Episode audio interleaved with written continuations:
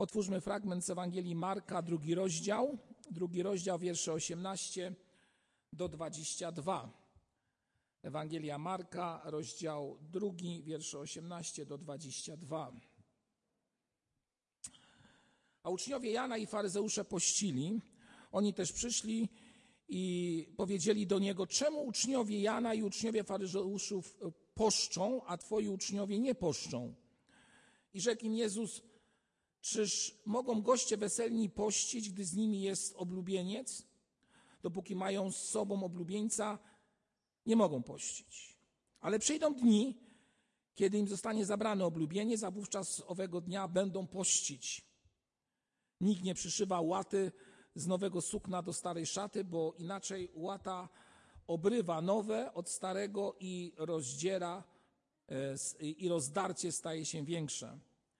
Nikt też nie wlewa młodego wina do starych bukłaków, bo inaczej wino rozsadzi bukłaki i wino i bukłaki zniszczeją, lecz młode wino należy lać do nowych bukłaków. Tak, bracia i siostry, patrząc na ten fragment, który y, tutaj został opisany, ta perykopa została opisana tytułem Sprawa postu, rodzi się takie y, dziwne przeświadczenie, moi drodzy, że jak gdyby są tutaj dwie sprawy omówione, a mianowicie pierwsza sprawa związana jest z tym, e, o czym stanowi nazwa tej, tego e, pasusu, a mianowicie, że chodzi o post. A potem dalej czytamy, że mm, czytamy właśnie e, taką, takie wyjaśnienie, opis mówiący o tym, aby nie przyszywać łaty, nowej łaty do starej szaty. A więc jak gdyby byśmy znaleźli swego rodzaju dwa konteksty, które tutaj, o których tutaj mówi Marek. Ale w rzeczywistości faktycznie, wgłębiając się w ten fragment, widzimy, że jest to bardzo dobre uzupełnienie. Ta pierwsza część e, mówiąca o poście i potem ta druga część mówiąca o tym wszywaniu nowego do starego bardzo ze sobą współgra. I będę dzisiaj chciał jak gdyby też właśnie w tych dwóch tonacjach do was e, mówić, drodzy bracia i drogie siostry. A więc na początku ta pierwsza tonacja, czyli sprawa postu. E, w kościołach ewangelikalnych e, post jest sprawą niekoniecznie na pierwszy plan wyciąganą. Ze względu na to, że e, nie ma bezpośredniego nakazu biblijnego, który wzywałby nas do tego, abyśmy na przykład pościli regularnie w myśl jakiejś zasady związanej na przykład z kalendarzem kościelnym. Tego nie ma. To kościoły historyczne bardzo mocno wypuklają i kościołach e, historycznych bardzo często się właśnie o tym e, mówi, że są określone pory roku, w których należy pościć, te posty mają odpowiednią formę i tak dalej, i tak dalej.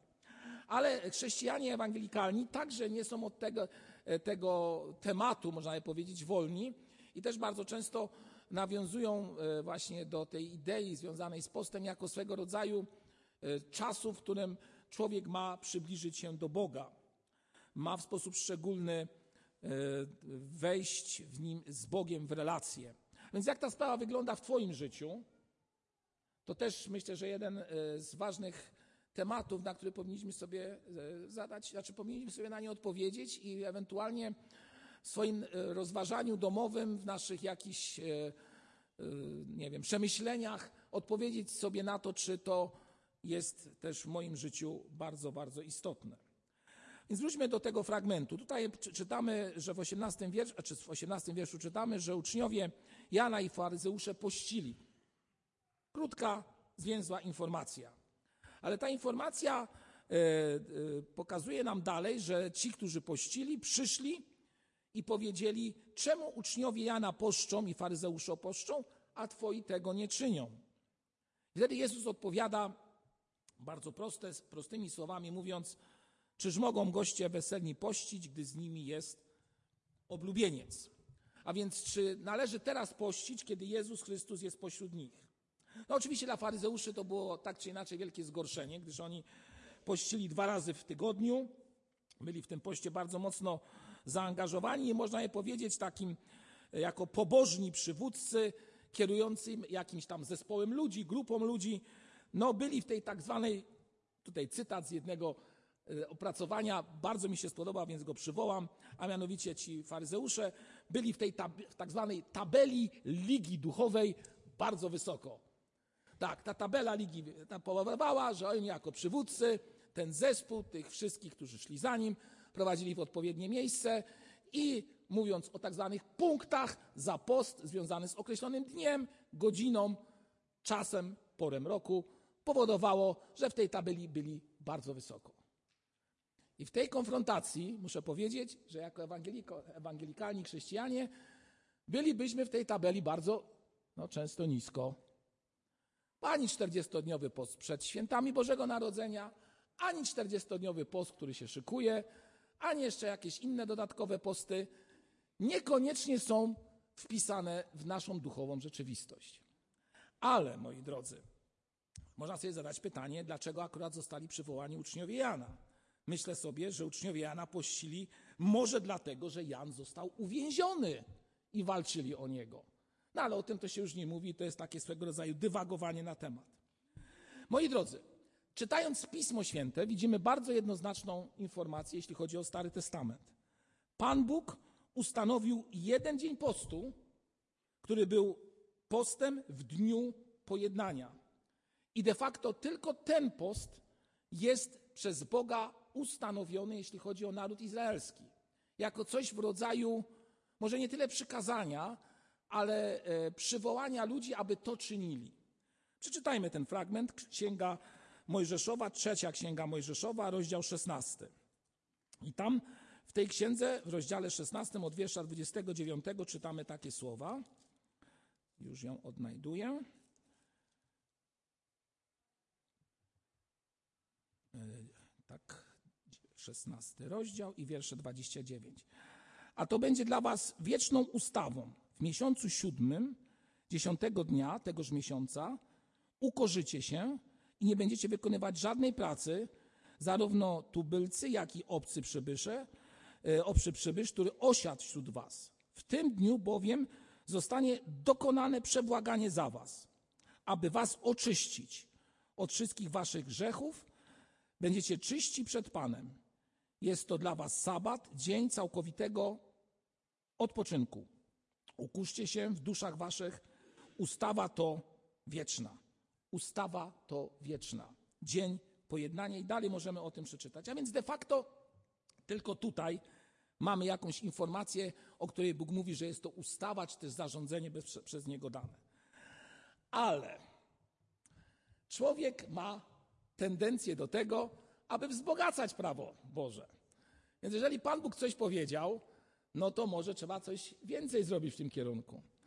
I myślę, że wielu ludzi e, w swojej kreatywności doprowadziło do tego, że tych tak zwanych ustaw Bożych, czy też te ustawy Boże zostały, że tak powiem, jeszcze obudowane dodatkowymi sprawami, bo tak mówiąc szczerze, moi drodzy, post jest z jedną z najprostszych, tak mogę powiedzieć, spraw, w którym człowiek myśli, że od Boga coś może uzyskać. Ale o tym za chwilę. A więc, moi drodzy, Żydzi wymyślili następującą sprawę. Będę pościł w okresie żałoby, a więc pomiędzy śmiercią a pogrzebem osoby. Będę nie jadł mięsa i nie pił wina. Jedna z, jedno z założeń. Dalej, na przykład, będę pościł jako zadośćuczynienie. I tutaj można przywołać fragment związany e, z Rubenem, który pościł 7 lat, 7 lat pościł po sprzedaniu Józefa. Jako zadośćuczynienie, które wobec, znaczy tą złość, którą wobec niego uczynił, czy też to zło, które wobec niego uczynił, chciał w ten sposób odkupić. Co robił? Uwaga, nie pił wina i nie jadł mięsa. Idziemy dalej. Post wśród Żydów często wiązał się z pokutą, a więc będę pokutował. Będę miał smutną minę i tak jak brat tutaj mówił, będę pokazywał, że jestem człowiekiem ze wszechmiar pobożnym, napiętnowanym przez życie, doświadczonym przez życie, a w związku z tym, że jestem doświadczony przez życie, to jestem tak przygnębiony, że jedyne co mogę zrobić, to pokorną minę i będę, że tak powiem, w ten sposób chciał wyrazić swoją atencję wobec Boga, tak? Żydzi wiązali to na przykład z pokutą. Oprócz tego były jeszcze tak zwane posty narodowe. Ten post narodowy, szczególnie wśród Żydów, był widoczny wtedy, kiedy w tym narodzie nastąpiła ze wszechmiar bardzo nieciekawa sytuacja, mianowicie plemiona walczyły z plemieniem Beniamina. I mówiąc wprost, doszło do rzezi, bratobójczej rzezi. I ludzie mieli z tym duży problem. A więc był to, post stał się aktem narodowej pokuty, w której mieli oni przeprosić, nie wiem kogo, Boga za to, co uczynili? Czytamy także o poście, który miał coś objawić, a więc pościł Mojżesz, pościł Jezus 40 dni i te posty miały charakter taki, w którym, po których to postach e, ludzie w sposób szczególny przekazywali poselstwo od Boga. A więc, moi drodzy, czym miał być ten post? Dlaczego w ogóle o tym się mówi? Czy post miał być swego rodzaju apelem do Boga, żeby coś On w naszym życiu zmienił, zrobił? Nie wiem, czy pamiętacie, był taki moment e, w naszej historii naszego parlamentaryzmu, że pewna frakcja postanowiła modlić się o deszcz. Nie wiem, czy pamiętacie to, bo przez cały lipiec nie padało. Okazuje się, że to nie był wymysł tej partii. To było nic innego jak to, co robili także Żydzi, którzy o to się także modlili. A więc modlili się o to, aby Pan Bóg zesłał deszcz. Moi drodzy, zobaczcie, bardzo często w tym tak zwanym uproszczeniu, które Wam przekazuję, widzimy jedną bardzo charakterystyczną sprawę. Człowiek myśli, że poszcząc wymusi coś na Bogu albo siebie w jakiś sposób oczyści przed Bogiem. Przez to, że zada sobie karę? Że zada sobie właśnie, co przez post człowiek chce sobie zadać. I tutaj rozpoczyna się właśnie to, co jest najistotniejszą sprawą, o czym tutaj mówimy i o czym, mm, do, do czego Was chcę zachęcić, a mianowicie post ma mieć zupełnie inny wymiar w życiu człowieka. Tak jak powiedziałem, Pismo Święte bezpośrednio nie nakazuje pościć, aczkolwiek mówi o poście. Bardzo często w kontekście wiary i modlitwy. To na pewno coś dobrego. Kiedy apostołowie wyruszali w podróż misyjną, ludzie modlili się nad nimi i pościli o to, aby Pan Bóg w sposób szczególny im pobłogosławił.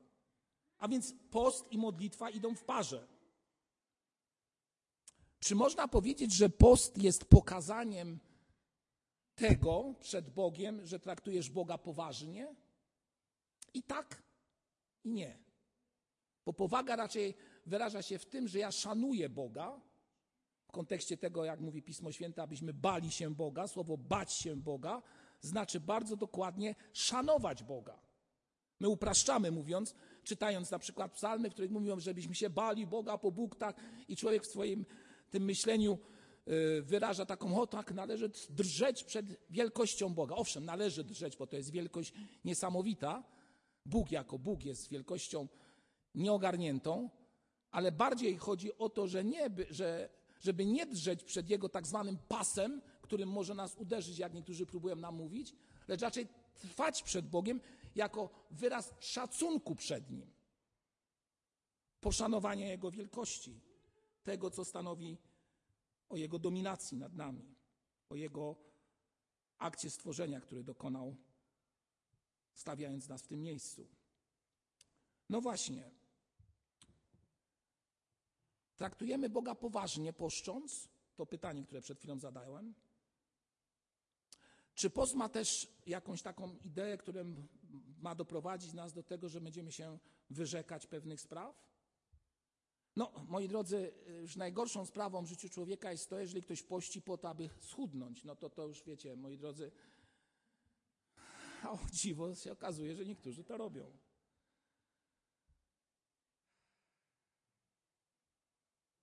No więc właśnie, żeby iść troszeczkę dalej. Post nie jest sposobem, tutaj zapisałem to sobie, by uzyskać od Boga to, czego chcemy. To pierwsza bardzo istotna sprawa, którą chciałbym Was zostawić, kiedy będziecie dzisiaj wracać do swoich domów, abyście mieli ją jako czas do przemyślenia. A więc jeszcze raz powtórzę: post nie jest sposobem, by uzyskać od Boga to, czego chcemy. I teraz posłuchajcie, bo to stanowi swego rodzaju klucz dzisiejszego rozważania.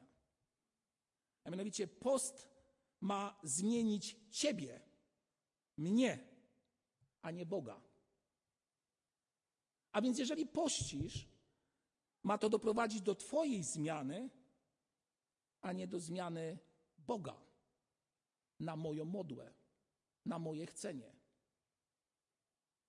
Bo to jest największy błąd, jaki może pojawić się w życiu człowieka, że człowiek myśli, że jakąś postawą coś na Bogu wymusi. Bóg suwerenny realizuje to, co On chce, a nie to, co Ty chcesz. My możemy prosić. I tylko prosić. Ale nie ma czegoś takiego, że przez post zmienimy Boga. Jak wygląda kwestia postu? Są dwie relacje, które bardzo jednoznacznie o tym mówią. Pierwsza relacja z Ewangelii Mateusza, rozdział 6, wiersze 16 do 18, gdzie czytamy następujące słowa. A gdy pościcie, nie bądźcie smętni jak obłudnicy, szpecą bowiem twarz swoją, aby ludziom pokazać, że poszczą. Zaprawdę powiadam wam, odbierają zapłatę swoją.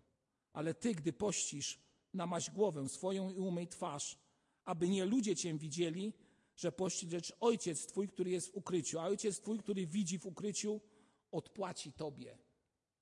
Zobaczcie, tu nie jest powiedziane, że ty coś na Bogu wymusisz. Bóg w swojej dobroci da tobie to, co jest najlepsze. A w Starym Testamencie, w księdze Izajasza, w 58 rozdziale, czytamy kolejną informację dotyczącą właśnie kwestii postu. A więc 58 rozdział, wiersze 5 do 9. I tam spotykamy takie słowa. Czy to jest post, w którym ma upadobanie, pyta Bóg? Dzień, w którym człowiek umartwia swoją duszę, że się zwiesza swoją głowę jak sitowie, wkłada wór i kładzie się w popiele? Czy coś takiego nazwiesz postem? Uwaga, i dniem miłym Panu? Lecz to jest post, w którym mam upodobanie, że się rozwiązuje bezprawne więzy, że się zrywa powrozy, jarzma, wypuszcza na wolność uciśnionych i łamie wszelkie jarzmo. Że podzielisz Twój chleb z głodnym i biednych, bezdomnych przyjmiesz do domu, gdy zobaczysz nagiego, przyodziejesz go, a od swojego współbrata się nie odwrócisz. Wtedy Twoje światło wzejdzie jak zorza poranna, a Twoje uzdrowienie rychło nastąpi. Twoja sprawiedliwość pójdzie przed Tobą, a chwała Pańska będzie Twoją tylną strażą. Gdy potem będziesz wołał, Pan Cię wysłucha, gdy będziesz krzyczał pomoc, odpowie, oto jestem. Gdy usunie spośród Ciebie jarzmo, szyderce, szydercze, pokazywanie palcem i bezcenne mówienie. Widzimy, czym jest post. I teraz wróćmy do naszego fragmentu Pisma Świętego. Chrystus mówi, a gdy przyjdą dni, kiedy im zostanie zabrany oblumieniec, a wówczas owego dnia będą pościć. I następuje ta informacja dotycząca takiej praktycznej sprawy. Nikt nie przyszywa łaty z nowego sukna do starej szaty. Czy można by powiedzieć, że ta stara szata, czyli zakon, nie może być wyposażona coś nowego, odżywczego, którym to odżywczą, odżywczym tnieniem jest Chrystus, bo to, co stare, zostanie. No, nie będzie współgrało z tym, co nowe, tak można by powiedzieć. A więc, moi drodzy, pragnę Was wszystkich zachęcić do tego, abyście rozważyli tą kwestię w Waszych sercach. W ostatnim czasie słyszy się, że w różnych kościołach ludzie mają tą ideę postu. I tak jak powiedziałem, sam post w sobie nie jest czymś złym. Istotą jest to, abyśmy mieli odpowiednią motywację w tym, co robimy i zastanowili się, jak faktycznie w Twoim życiu ta sprawa wygląda. A więc, kiedy pościsz, to pamiętaj o tym, aby w szczerości stojąc przed Bogiem prosić Go o to, aby On realizował swoją wolę. A Ty, gdy pościsz, bądź raczej dającym, a nie, nie pokazującym swoje uciemiężenie. Nowe przymierze daje zupełnie nową wartość. I o tym między innymi przeczytaliśmy e, na przykład czytając Księgę Izajasza. W jakim to poście Pan Bóg ma upodobania? Więc w jakiej formie religijności, bo tak można powiedzieć, że post jest swego rodzaju formą religijności, powinniśmy trwać. Jeżeli pościsz, aby nawrócił się drugi człowiek, pościsz o swoją rodzinę, prosząc Boga w ten sposób, aby ten, kto ci jest bliski, zmienił swój sposób myślenia i pościsz szczerze, bo jest to pragnieniem Twojego serca, to wierzę, że ten post Pan Bóg widzi. Ale pamiętaj, że Jego suwerenna wola objawi się tak, jak On chce, a nie tak jak Ty. A więc, nawet kiedy będziesz pościł, i to nawet bardzo długo, to to nie jest reguła, że to, co pościsz, się stanie. Pamiętajmy o tej sprawie. Bo mam świadomość, że niektórzy chrześcijanie wręcz obrażają się na Pana Boga, że pościsz, że pościłem, a Pan Bóg nie odpowiedział. I teraz jak gdyby drugie, druga myśl, która płynie z tego fragmentu, a mianowicie o tym, mówiąca o tym, że jeżeli coś nowego przyszyje, przyszyje się do starego, następuje rozdarcie. I to rozdarcie staje się czymś bardzo dużym. Jakie tutaj słowo pada? Wyobraźcie sobie, że pada tutaj słowo w języku greckim schizma, dotyczące rozdarcia w królestwie. Aż chce się powiedzieć, że jest to niesamowity obraz, prorocki wręcz obraz, pokazujący sytuację, która jest w naszej rzeczywistości. Kościół Jezusa Chrystusa de facto ma na dzień dzisiejszy ponad 20 tysięcy lat. Okres bardzo długi. A więc moglibyśmy powiedzieć, że Kościół w takiej nomenklaturze najprostszej jest Kościołem starym. Ma swoją tradycję, ma wiele, wiele spraw, które stanowią o nim. I nagle pada właśnie słowa o rozdarciu.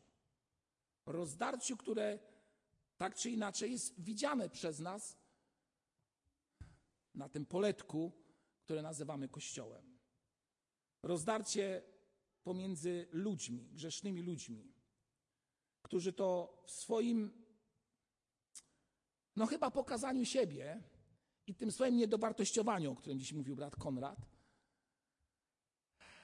realizują swoje własne cele. Doprowadziło to do tego, że Kościół praktycznie przez wszystkie wieki był jak rozdarta szata.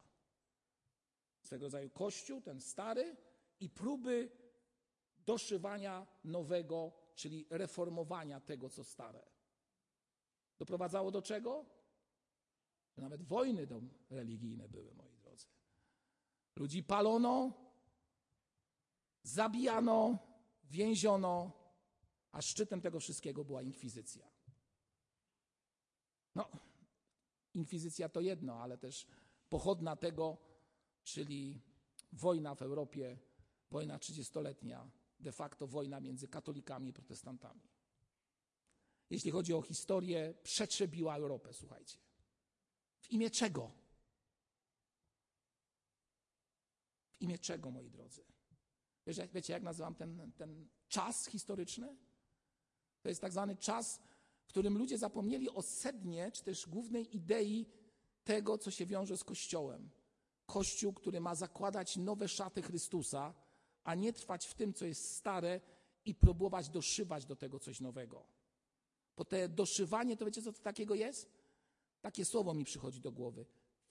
fragmentaryzm. Takie fragmenty próbujemy wyciągnąć z Pisma Świętego i doszyć, uzupełnić. W rzeczywistości absolutnie niczego, absolutnie niczego nie zyskujemy, a następuje rozdarcie, o którym tutaj czytamy. Bo nie przyszywa się łaty do, z nowego do starej szaty, bo inaczej łata obrywa nowe od starego i pada właśnie to słowo, czyli schizma. Rozdarcie staje się większe. Rozdarcie staje się większe. Powiem tak. Kościół, zbór może być stary, uwaga co teraz powiem, naszą starością. I nie chodzi o wiek, tylko chodzi o Twoje i moje przyzwyczajenia w tak zwanej religijności, w której trwamy. Druga sprawa. Kościół może być rozdarty, no czym? Grzeszną naturą, którą każdy z nas ma. Ja i Ty. To grzech i zapatrzenie w siebie rozdziela Kościół. To grzech i własne ambicje doprowadzają do tego, że to, co miało być w protestantyzmie, tak, powiem o tym w pełnej świadomości, czymś nowym, stało się zmorą wszystkich protestanckich kościołów. Bo jest nas tyle, że już nie wiadomo, kto ma nawet rację. Jakie to jest świadectwo, moi drodzy? Mówiąc tak kolokwialnie dla tej drugiej strony, żadne. Absolutnie żadne. A już chyba szczytem jest to, kiedy ewangelikalne chrześcijaństwo dzieli się, bo nowy lider ma objawienie. Moi drodzy, jedyne co można robić w tym momencie to bić się w pierś i krzyczeć do Boga: Panie, przebacz. Panie, przebacz. To jest antyświadectwo. Rozdarcie staje się antyświadectwem. Jest niczym innym jak właśnie przyszywaniem czegoś, co jest starym człowiekiem, starym przyzwyczajeniem i próbą przyszycia czegoś zupełnie nowego. A więc grzeszne życie, każdy z nas jest grzeszny i ten grzech wchodzi i rozdziela Kościół. A więc nie przykrywajmy czegoś, co, czego przykryć się nie da. Tylko, i będę zmierzał do końca, odmieńmy siebie, swój sposób myślenia. Nie bądźmy ludźmi, którzy będą myśleli w ten sposób. Zachowam swoje, a na przodzie swojej tej tak zwanej szaty przyszyję emblemat pod tytułem Jestem baptystą, tudzież jakimś innym człowiekiem. Powiem Wam tylko jedną rzecz. Absolutnie nic to nie znaczy. W pierwszym praniu będzie takie rozdarcie, że nie wytrzymamy ciśnienia. Co może być faktycznie Twoim i moim udziałem? Inaczej, co powinno być Twoim i moim udziałem w tym chrześcijańskim życiu, które prowadzimy? Odnowienie. Odnowienie. Zostawić to, co stare i przemienić się w duchu umysłu, przemienić się tak, aby to, co jest na mnie, we mnie, było czymś nowym danym mi od Chrystusa, danym mi ze Słowa Bożego. Nie próbujmy budować chrześcijaństwa li tylko czerpiąc ze starego. Stare też może mieć swoje wartości i pozytywne sprawy, ale jeżeli to zdominuje, a my tylko będziemy chcieli fragmentarycznie przyprawić coś, przyszyć, niczego nie osiągniemy. Czym jest nowonarodzenie? Czym jest nowonarodzenie w życiu człowieka? Co to takiego jest? Nowe narodzenie, jeszcze raz to powtórzę, to zmiana sposobu myślenia. Nie idziesz w schematach, w starych przyzwyczajeniach, w tradycji, w której zostałeś wychowany, która może i pięknie wygląda, jak na święta na przykład Bożego Narodzenia, ale idziesz w tym, co kształtuje cię przez pryzmat Pisma Świętego. Kształtuje cię w tym Pan Jezus Chrystus. Wtedy powiem wam tylko jedno, już niczego nie trzeba przyszywać. Niczego. Bo jesteś nowym człowiekiem. Odnowionym sam z siebie, reperującym sam swoje życie. Nigdy nie jesteś w stanie, choćbyś miał, był najlepszym krawcem, zreperować swoje szaty, doszywając tylko niektóre sprawy. A więc powiem tak, albo idziesz na całość za Chrystusem, albo jesteś połowicznym chrześcijaninem, czerpiącym i z tego, i z tego. Rozdwojonym, stojącym w rozkroku, jak mówiła jedna posłanka.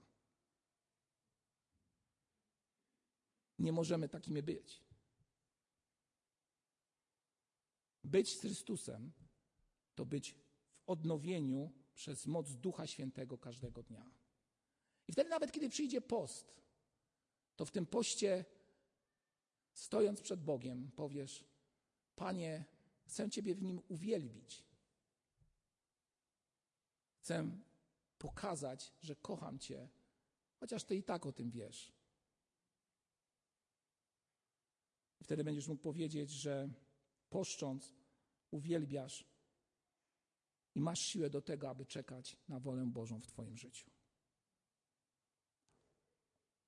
Odnówmy się odnowieniu umysłu naszego na ten nowy rok, moi drodzy, na ten nowy czas, na ten trudny czas, w którym jesteśmy, na ten czas wojny, na te wszystkie inne sprawy, które są wokół nas. Nowy umysł przez moc Ducha Świętego oczyszczony. Zachęcam Was do tego. Powstańmy do modlitwy.